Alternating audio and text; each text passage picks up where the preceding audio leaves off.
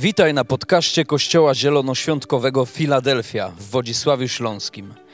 Mamy nadzieję, że to przesłanie zachęci Cię do bliższej relacji z Jezusem. Jeżeli jesteś ciekaw, kim jesteśmy, zapraszamy Cię do odwiedzenia naszej strony internetowej filadelfia.org.pl. Do zobaczenia w Filadelfii. Tak nie przemawia jak historie innych ludzi, dlatego że nie można ich zakwestionować. Zgadzacie się z tym? Wyszedłem tutaj i ktoś może powiedzieć, a pastorowi to płacą za to, żeby to mówił, co mówi, ale zapewniam was, żadne pieniądze nie są warte tego, co ja do was powiem, także nie ma takiej ceny. E, jeżeli jesteś tutaj pierwszy raz albo drugi, chciałbym, żebyś e, tak popatrz, spojrzał, gdzie siedzisz, tak, rozglądnij się, gdzie siedzisz, kto siedzi obok ciebie i powiem tak, to jest miejsce dla ciebie. Pamiętaj, za tydzień ono będzie czekać. Amen? Za tydzień ono będzie czekać na ciebie. A więc e, to, te, te, te, te całe wydarzenie jest z dwóch powodów. Po pierwsze, chcemy świętować. I muszę Wam powiedzieć, e, naprawdę jestem wielkim zwolennikiem tego, że Kościół to, to jest miejsce, w którym radość powinna być najczęstszą emocją. Radość, bo w Biblii radość jest najczęstszą emocją, a tylko czasami się smucimy. E, a po drugie, ponieważ przygotowaliśmy to spotkanie, abyś mógł usłyszeć to, co słyszysz od 49 minut, że Jezus przyszedł na ziemię, że urodził się w Betlejem z Twojego powodu. Z Twojego powodu. Jeszcze raz to powiem, z Twojego powodu. I bardzo krótko, ale, ale chciałbym tą myśl rozwinąć w tym sensie, że opowiem o, o, o, o, o y, mówiąc o Jezusie, który się narodził w Betlejem, opowiem Wam o jednym z bohaterów. Teoretycznie to jest negatywny bohater i wszyscy stwierdzają, że ten bohater, ta łajza jedna, przez niego Jezus musiał urodzić się w stajni. Mam na myśli karczmarza. Musiał być tam jakiś karczmarz, zgadzacie się z tym? Dziękuję za wasz entuzjazm, jest po prostu zarąbisty. Małe ćwiczenie. Ta część sali zaklaska dla Pana Boga z całych sił. Śmiało, śmiało. Teraz ta część sali zaklaska. Teraz ta część sali zaklaska. Teraz balkon. Śmiało, śmiało. Fantastycznie. Teraz mogę coś w ogóle z wami robić. A więc słuchajcie. A pada tam jedno zdanie. Dziękuję, nawet dzieciaki po prostu tutaj dostają dzisiaj szaleństwa urodzinowego. Słuchajcie, a więc w Ewangelii Łukasza, w drugim, drugi rozdział, siódmy wiersz, jest napisane takie zdanie. Właściwie nigdy go nie czytamy, albo czytamy go w jakimś kontekście, ale ono tyle sobie wniesie, niesie informacji. W ogóle z Biblią to jest tak, że czytasz jedno zdanie, a tam możesz, że tak powiem, przygotować trylion myśli na temat jednego zdania. I to jest niesamowite, ponieważ my jako chrześcijanie wierzymy, że Biblia i tylko Biblia jest natchnionym Słowem Bożym. E, jak zaczynają się święta, to zawsze zabawne jest to, jak w różnych portalach informacyjnych są informacje typu zakazane księgi Biblii, wyrzucone księgi z Biblii, e, nieznane losy Jezusa między e, urodzeniem a trzydziestym rokiem życia. I ja wam odpowiem na jedno takie pytanie. Wiecie, dlaczego nie, nie za bardzo jest napisane, co Jezus robił między pierwszym a trzydziestym rokiem życia? Odpowiedź jest bardzo prosta. Nic interesującego. A ponieważ Biblia jest praktyczna, więc uznała, że po prostu nie ma na, sensu tracić ta, na to czasu, że on stołki strugał. Wiecie, wszystkie opowieści, był w Indiach, tam medytował i tak dalej. Szanuję, ale naprawdę, jeżeli wierzymy w Biblię, to po prostu zakładamy, że nic ciekawego się nie wydarzyło na tyle, co miałoby wartość wieczną. A więc wszystko, co jest opisane w Biblii, wierzymy, jest natchnionym Słowem Bożym w tych księgach, które stanowią kanon. I teraz posłuchajcie, co tam jest napisane. I urodziła swego pierworodnego syna. No, ciekawe jest to w ogóle stwierdzenie pierworodnego. E, dlaczego? Bo Jezus był pierwszy, ale nie był ostatni w tych urodzinach. Jezus miał braci. O matko jedyna, jak on mógł mieć braci? Toż to przecież jakaś herezja. No nie, miał braci, miał kuzynów, miał w ogóle siostry. E, był z wielodzietnej ogólnie rodziny. I urodziła swego pierworodnego syna, owinęła go w pieluszki i ułożyła w żłobie, ponieważ w gospodzie nie było dla nich miejsca. I kiedy czytam ten fragment, to sobie myślę tak. Jak to się stało, że w gospodzie nie było dla nich miejsca? I chciałbym na bazie tego w gospodzie nie było dla nich miejsca zbudować pewną myśl, która będzie dotyczyć Ciebie. I wiecie, generalnie, kiedy czytamy ten wiersz, to pojawiają się właściwie dwie takie postacie. Wredny karczmarz, który nie wpuścił Jezusa albo nie wpuścił Marii w ciąży z Józefem do karczmy, do restauracji, do hotelu, gdzie były miejsca hotelowe.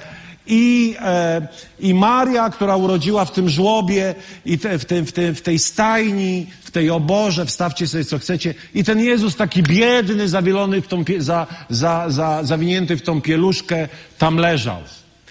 I, I my tak wszyscy, wiecie, w te święta tak się, tak się bardzo, y, tak nam przykro jest, że on się urodził w tej stajence, tak? Zgadzacie się z tym? Bo my wiemy, że on był królem, że on jest królem. No i jak to w tej stajence się urodził? No to, no to przecież ten wredny karczmarz. Ale posłuchajcie, chwila o tym karczmarzu. Może to nie jego wina, po prostu naprawdę nie było miejsca. Może naprawdę, wiecie, to był taki ruch w biznesie, i ten biedny karczmarz patrzy, zasmucił się i mówi, Boże, rodzi się Jezus, a ja nie mam dla Niego miejsca. I pewnie otworzył to okno i powiedział, wiecie co, nie mam dla was miejsca, ale tam jest stajnia, możecie, możecie, możecie przenocować w tej stajni, tyle mogę dla was zrobić. A wszyscy, wiecie, gromy na tego karczmarza. Ale my nie wiemy do końca, jaki on był. Natomiast jeżeli dzisiaj zamienimy na chwilę Albo inaczej, Bóg jest przemądry i wykorzystał, a może nawet stał za tą historią, że nie ma dla niego miejsca, żeby coś nam powiedzieć. Coś, co jest znacznie lepsze niż to, żeby litować się nad Jezusem, że nie ma, nie było dla Niego miejsca. Ja znam, tam chyba jakaś kolenda jest, nie? Nie było dla Niego miejsca, coś tam, jest takiego coś? Jest? Tak? Tak? Dobrze. I tak to ona jest taka rozrzewniona i my tacy, ojej, on taki biedny, taki mały, na pewno się przeziębił i w ogóle. Ale może to naprawdę nie jego wina, ale jeszcze raz powiem, ale spróbujmy na chwilę, na chwilę zamienić ten hotel, w którym nie ma dla niego miejsca, albo i postawmy, wstawmy w to miejsce nasze serce. Ponieważ dzisiaj jest o tym, aby w nas znalazło się miejsce. Dzisiaj jest o tym, aby rozszerzyć swoje serce i nie być jak ten karczmarz. Ale może właściwie karczmarz był winny. Bo wiemy o tym, na przykład dzisiaj jest taki system sprzedawania miejsc hotelowych trochę podobny do sprzedaży samolotu, biletów w liniach lotniczych. Im później, tym drożej. E, ja pamiętam, kiedyś jechałem do Warszawy i tak wiecie, na jakąś konferencję, mówię, o luz, jeszcze miesiąc czasu, spokojnie sobie zarezerwuję. Potem było jeszcze trzy tygodnie. Mówię, dobra, dwie stówy, co to, to zapłacę, nie ma tematu. Potem zostały dwa tygodnie, a potem zostały dwa dni. I kiedy patrzę, chcę ten hotel zarezerwować, a tam z 200 zrobiło się 600, a potem za, z, zorientowałem się, a potem za dzień było tysiąc, ponieważ Coldplay grał w Warszawie. o, żeż ty. I myślę sobie, a może ten karczmarz był jednak odpowiedzialny za tą awanturę, bo pomyślał sobie tak, hmm, może przyjdzie ktoś z większą kasą.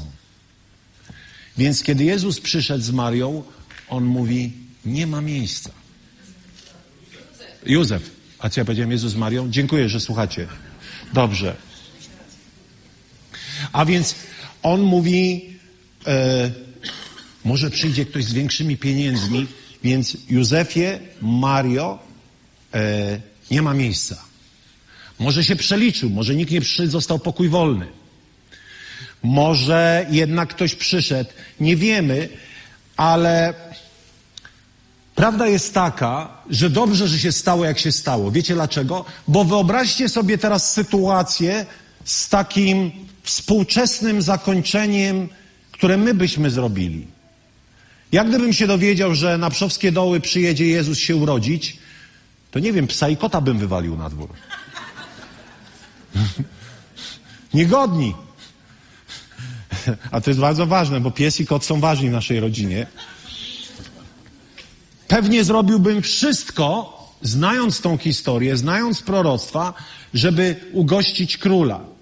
Ale wyobraźcie sobie teraz wersję, wersję niebiblijną, wersję, którą my byśmy chcieli stworzyć w atmosferze szacunku dla narodzin Jezusa. Przygotowalibyśmy prawdopodobnie dla niego VIP room. Taki, wiecie, apartament królewski.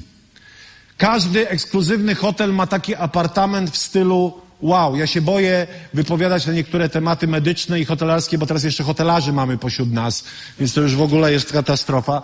Ale zakładam, że nie wygłaszam tu jakichś e, strasznych odstępstw. Na, natomiast każdy hotel ma taki, taki apartament dla kogoś wow. Potem są Znowu, tak domyślam się. Potem są apartamenty. Potem są pokoje standard. Potem są jakieś ekonomiczne, basic. A potem zostają pi piwnice i zakamarki. I w takiej piwnicy trochę umieszczono Jezusa. My byśmy go umieścili w takim VIP room. Prawda? I to jest okej. Okay. Chcielibyśmy uszanować króla. Tylko wyobraźcie sobie, jaki przekaz idzie do świata.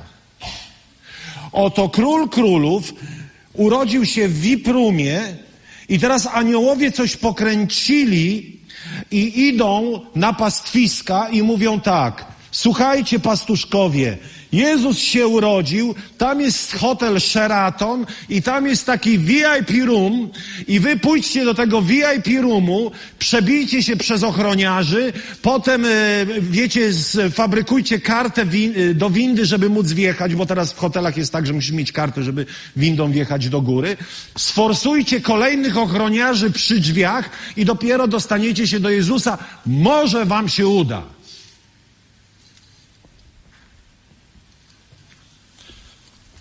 Gdyby tak było, 90% ludzi przez samy fakt jego narodzin poczułoby się wykluczonych. Wyobraź sobie, że jesteś pasterzem. Pamiętam w szkole średniej jedną z, z obelg było ty pasterzu. Ale wyobraź sobie, że jesteś pasterzem.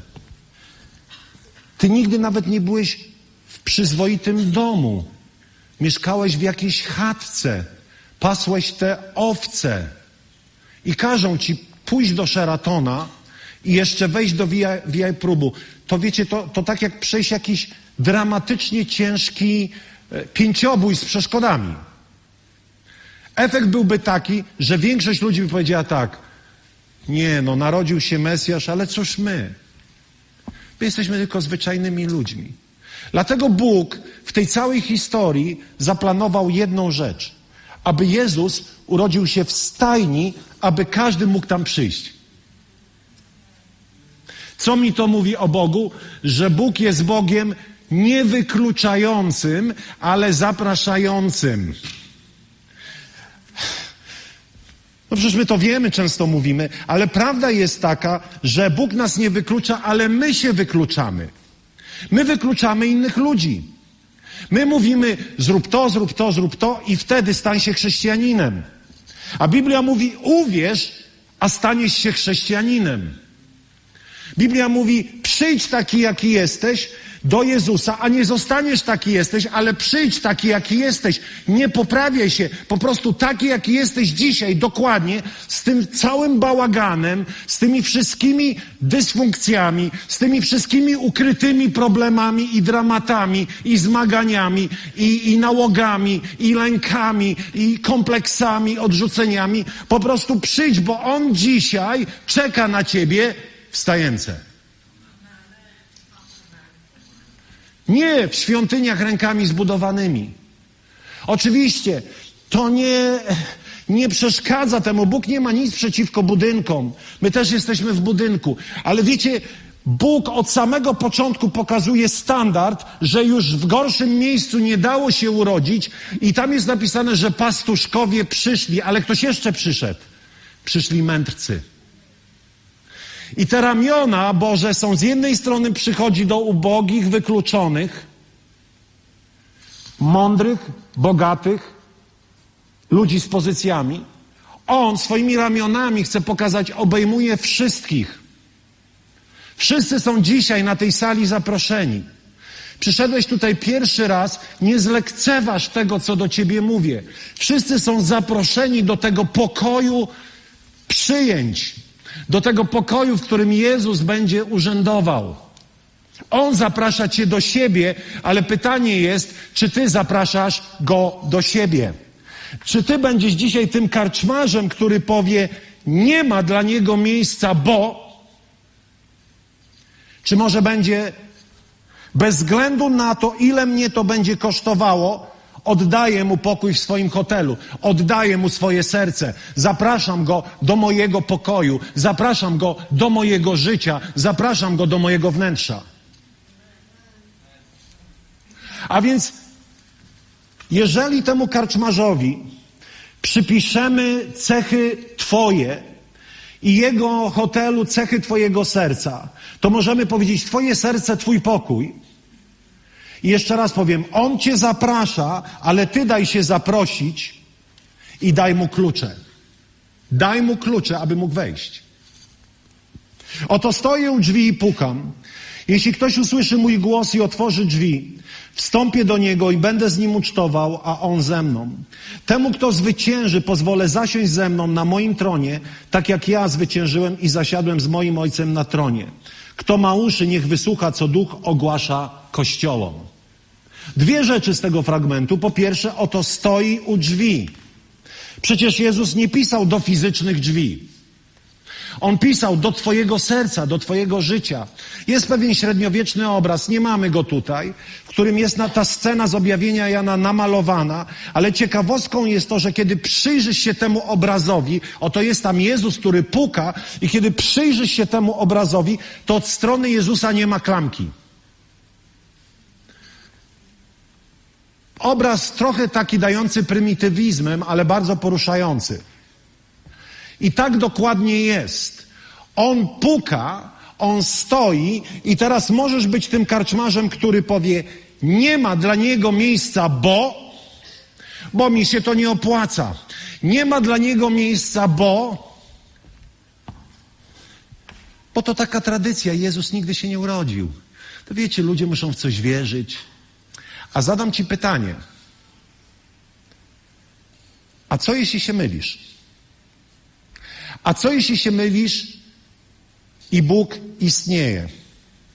A co jeśli się mylisz i nie ma wielu imion, ale ma jedno imię, które brzmi Jezus?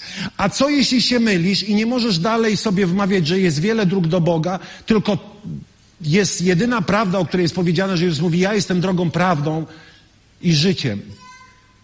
A co jeśli nie można się samemu zbawić, tylko można uwierzyć w zbawienie, uratowanie od grzechów, które daje nam dzisiaj Jezus. Człowiek jest zabawną istotą. Ja to wspominałem przy innej okazji. Jest tak zwana teoria postępu.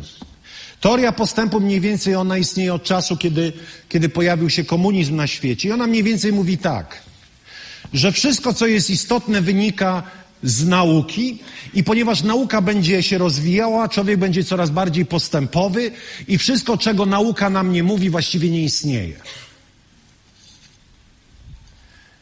A kto chce być zacofany? Ja nie chcę być zacofany. Chcesz być postępowy? W pewnym sensie tak. Nie chcę być człowiekiem kojarzonym, wiecie, z jakąś, nie wiem, prymitywnym sposobem na życie, ale prawda jest taka, Albo inaczej, zadam Ci pytanie: a kto Ci powiedział, że Boga nie ma? Ktoś w telewizji? Jakiś znajomy? Ty tak uważasz? A co jeśli się mylisz? A co jeśli się mylisz? nie da się udowodnić tego, że Boga nie ma. Wiecie o tym. Ktoś może powiedzieć, ale wiesz, bracie, są różne dowody. Co by nie było, nie ma dowodu, który mówi, Boga nie ma, udowodniliśmy to. A więc jeżeli nie da się tego udowodnić, a Biblia mówi, że tylko ona jest prawdą, to wolę się na chwilę zatrzymać i zadać sobie pytanie na Boga, to jak ja się mam zachować dzisiaj wobec tego, co ten facet do mnie tu na tej scenie mówi? Jak ja mam zachować się z tym moim sercem, które zostało dzisiaj przyrównane jak pokój? Po pierwsze, chcę, żebyś uwierzył, że Jezus naprawdę się urodził i naprawdę przyszedł dla ciebie. Chcę, żebyś odrzucił te wszystkie teorie. Wiecie, bycie wierzącym to takie niewspółczesne. Serio? A czy wiesz, że cała cywilizacja od 20 wieków, cała zachodnia jest taka, jak, jaka jest, bo dlatego, że ludzie, którzy wierzyli w Boga, ją budowali? A czy wiesz, że te wszystkie cudowne rzeczy, dzięki którym dzisiaj jesteśmy, są dlatego, że Bóg kiedyś powiedział, czyńcie sobie ziemię poddaną? Cały postęp, całe bogactwo współczesnego świata i, i starożytnego od czasu narodzin Chrystusa było budowane w oparciu o chrześcijański światopogląd, o judeo-chrześcijański światopogląd. Ciekawym to tak na marginesie. Czy wiecie, że 30% świata, 30% chrześcijan ma 60% bogactwa światowego? Ha.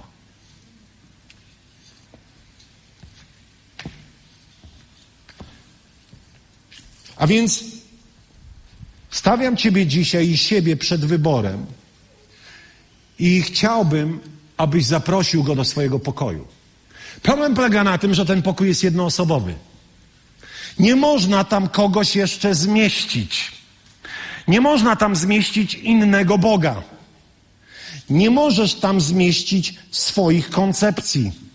Nie możesz tam zmieścić swojego zrozumienia tego, kim jest Bóg. Możesz przyjąć go Boga takim, jakim objawił się w Biblii i uznać to za prawdę. Wiecie dlaczego? Bardzo często ludzie słysząc takie rzeczy i nawet próbujemy coś zrobić, ale wychodzimy i mówimy nie działa. Pastor mówił, ale nie działa. Nie działa, dlatego że Jezus miał być jednym z wielu lokatorów Twojego pokoju. Jezus nie bierze jeńców. Zawsze mówi: pójdź za mną i tylko za mną. Jezus nie chce powiedzieć: pójdź dzisiaj za mną, pojutrze pójdź za jakimś świętym, po pojutrze jeszcze pójdź za kimś innym. Jezus mówi: pójdź za mną, ten pokój jest jednoosobowy. W Twoim sercu jest tylko miejsce dla mnie, a kiedy będzie miejsce dla mnie, to znajdzie się miejsce dla wszystkich innych pod warunkiem, że ja będę pierwszy. Nie można go dzielić z kimś innym.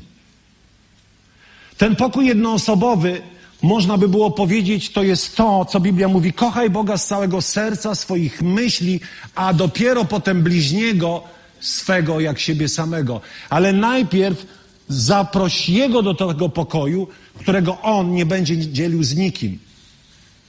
I, I niech On będzie tam tym, który zamieszkał na stałe. Po drugie, niech to Bóg go umebluje.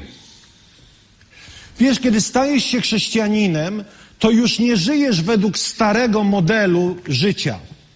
Dlaczego? Dlatego, że zaczynasz rozumieć, że Bóg ma dla ciebie lepszą drogę. Bóg ma dla ciebie najlepszą drogę. Wiesz dlaczego? Bo cię zna i ciebie stworzył. Wiele razy chcemy iść za Bogiem, ale na swoich warunkach, według swojego stylu życia, według swoich wartości, a Bóg mówi: jak zapalisz światło, to zobaczysz, jaki tam jest bałagan. A więc niech Bóg go umebluje, od, a zacznie od tego, że zapali tam światło. Lud schodzący w ciemności ujrzał wielkie światło, zabłysło ono nad mieszkańcami ziemi spowitej przez mrok. Powiększyłeś ten naród, wzbudziłeś w nim radość, cieszyć się przed Tobą będą, tak jak z obfitych żniw, jak cieszą się zwycięzcy, kiedy dzielą łup. A więc po pierwsze, Twój pokój jest jednoosobowy i, i zaproś Jezusa i tylko Jego. Po drugie, zapal światło, abyś zobaczył ten bałagan i zaproś Boga, aby go umeblował, aby go posprzątał, aby go poukładał. Dopuścił się zgorszenia, to ciebie nie usprawiedliwia. Jest mi przykro, że często chrześcijańscy liderzy zawodzą, ale to i tak cię nie usprawiedliwia. To i tak jest moment, w którym musisz podjąć decyzję, czy potraktujesz Jezusa jako tego chłopa z reklamówką, który nie był warty zainteresowania, czy jednak powiesz, uwierzę, że Jezus przyszedł na ziemię, że właśnie dla mnie urodził się w stajence, żebym wiedział, że jestem zaproszony. Właśnie dla mnie urodził się w takim miejscu, aby nikt nie był wykluczony, aby nikt nie pomyślał, czy aby na pewno mogę. I dzisiaj to jest moment decyzji. Pochylmy swoje głowy, zamknijmy oczy na chwilę. Pismo Święte mówi w liście do Rzymian, że jeśli uwierzysz w sercu swoim i wyznasz ustami, że Jezus jest Panem, będziesz uratowany od potępienia. Twoje grzechy już nie będą miały mocy nad Tobą, ponieważ wszystkie zostaną Ci przebaczone jako akt łaski, ułaskawienia przez Jezusa Chrystusa. Kto dzisiaj na tej sali pragnie ułaskawienia od swoich grzechów i uznania, że Jezus Chrystus jest Panem i Bogiem, jedyną drogą i prawdą do Ojca w niebie? Kto dzisiaj przyjmie tą prawdę o Jezusie Chrystusie jako jedyną prawdziwą, jako jedyną drogę. Kto dzisiaj powie, zostawiam to wszystko dla Syna Bożego, ponieważ On na krzyżu zmarł za moje grzechy. Kto dzisiaj na tej sali powie, pastorze, ja chcę dzisiaj stać się dzieckiem Bożym, ponieważ Biblia mówi, tym, którzy Go przyjęli, dał prawo stać się dziećmi Bożymi. Czy dzisiaj przyjmiesz Go do swojego pokoju, do swojego serca? Czy raczej powiesz, nie ma miejsca? Czy raczej powiesz, może następnym razem? Czy powiesz, poczekam na inną okazję, która wypełni mój pokój, na innego klienta? Zapewniam cię, to jest błąd. Jak możesz to zrobić? Możesz dzisiaj zrobić to w krótkiej modlitwie wiary i powiedzieć: Boże, zamieszkaj we mnie, zamieszkaj w moim pokoju, zamieszkaj w moim sercu, wpuszczam Cię do siebie. Otwieram drzwi swojego serca szeroko, abyś był moim Panem i Bogiem. Jeżeli jesteś taką osobą, daj mi znać na sekundę, dwie, abyś wyznał tą decyzję dzisiaj przed niebem, przed innymi ludźmi. Podnieś swoją rękę na sekundę, dwie, abyśmy mogli się z Tobą pomodlić. Śmiało, ręka w górę. Śmiało, ręka w górę. Tam jest osoba, tu jest osoba, tu jest osoba. Kto jeszcze? Śmiało, ręka w górę. Ci, którzy podnieśli, możecie opuścić. Kto jeszcze? Kto jeszcze dzisiaj powie swoje tak dla Boga i otworzy swoje serce i przestaniesz żyć życiem, które jest życiem w niepewności co do tego, gdzie spędzisz wieczność? Czy ktoś jeszcze? Śmiało. Tam jest na balkonie osoba. Kto jeszcze? Śmiało. To jest ten dzień, który Bóg przygotował dla Ciebie. Powstańmy. Jest kilka rąk i to jest niezwykłe. To jest dzień warty tej całej organizacji. Moi drodzy, ci, którzy podnieśliście swoje dłonie, tam gdzie jesteście w swoim sercu,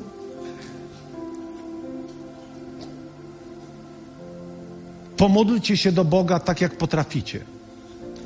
Zazwyczaj powtarzamy pewną modlitwę, ale dzisiaj chciałbym mieć taki moment ciszy, którym chciałbyś, a, chciałbym, abyś Bogu opowiedział swoją historię i abyś powiedział: Jezu, przebacz mi moje grzechy i stań się moim Bogiem. Bo ja chcę wpuścić Cię do mojego pokoju. Ciebie i Ty uporządkuj to wnętrze, które wymaga dzisiaj uporządkowania, bo Ty jesteś najlepszym architektem. Dajmy sobie kilkadziesiąt sekund na tej sali, niech ta cisza Ducha Świętego przeniknie nas. Zamknij swoje oczy i po prostu skup się na nim. On tu jest. On tu jest. On tu jest.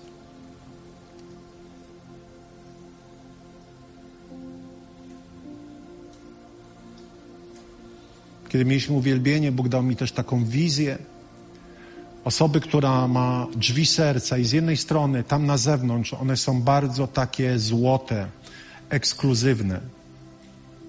Wyglądają bardzo atrakcyjnie. Ale od wewnątrz one mają takie zwykłe szare deski, na których napisane jest wiele razy tak jakby wycięte nożem wiele takich skarg do Boga, wiele takich żali do Boga. I Bóg daje mi zrozumienie tego, że jesteś osobą, która na zewnątrz całkiem dobrze wygląda, potrafisz maskować swój żal i rozczarowanie, ale w środku jest tak wiele pretensji do Boga. W środku jest tak wiele rozczarowania, że Bóg nie zrobił tego, co ty uważałeś, że powinien zrobić, ale Bóg chce ci powiedzieć, synu i córko, synu i córko, wybierałaś życie beze mnie, szłaś swoimi drogami, szedłeś swoimi drogami. I to ty podejmowałeś decyzje, ale ja dzisiaj przychodzę, nie robię ci żadnych wyrzutów, ponieważ chcę, aby Twoje wnętrze było uleczone, uzdrowione i zapraszam Cię do mnie. Ale to, co musisz zrobić, musisz otworzyć swoje serce i powiedzieć: Wejdź Boże, wejdź Boże, wejdź Boże. Jeśli podjąłeś dzisiaj decyzję, pomodliłeś się prostą modlitwą wiary. Biblia mówi, że przez wiarę jesteśmy uratowani, przez wiarę, przez decyzję wiary należymy do Jezusa to chcę Ci powiedzieć, że dzisiaj wszystkie Twoje grzechy zostały przebaczone, przeszłe, teraźniejsze i przyszłe. I staj się częścią Bożej rodziny i otrzymałeś dar życia wiecznego. Ale jest drugi krok. Ten drugi krok polega na tym, że Jezus mówi, abyś stał się Jego uczniem. Jest to początek drogi uczniostwa, którą chrześcijanin powinien pielęgnować we wspólnocie. Dlatego zapraszamy Ciebie, abyś kontynuował ją w tym miejscu albo tam, gdzie jesteś w miejscu zamieszkania, w kościele, który wierzy w Biblię i tylko w Biblię. Ale może jesteś osobą, która nie podjęła tej decyzji. Szkoda, ale nie rezygnuj. Bądź z nami, słuchaj Bożego Słowa. Niech Bóg działa w Twoim sercu, ponieważ w Filadelfii nic nie musisz. Bądź z nami, przyjdź za tydzień, a będziemy cieszyli się z Twojej obecności i wierzyli, że Bóg będzie mówił do Twojego serca ponieważ na tych spotkaniach są wierzący i niewierzący, chrześcijanie i niechrześcijanie. Ponieważ każdej niedzieli mamy otwarte spotkania dla każdego, bez względu na wyznanie, orientację seksualną, poglądy polityczne, każdy to może przyjść i słuchać Bożego Słowa. Niech Bóg Was błogosławi. Świętujmy dalej. Amen. Amen.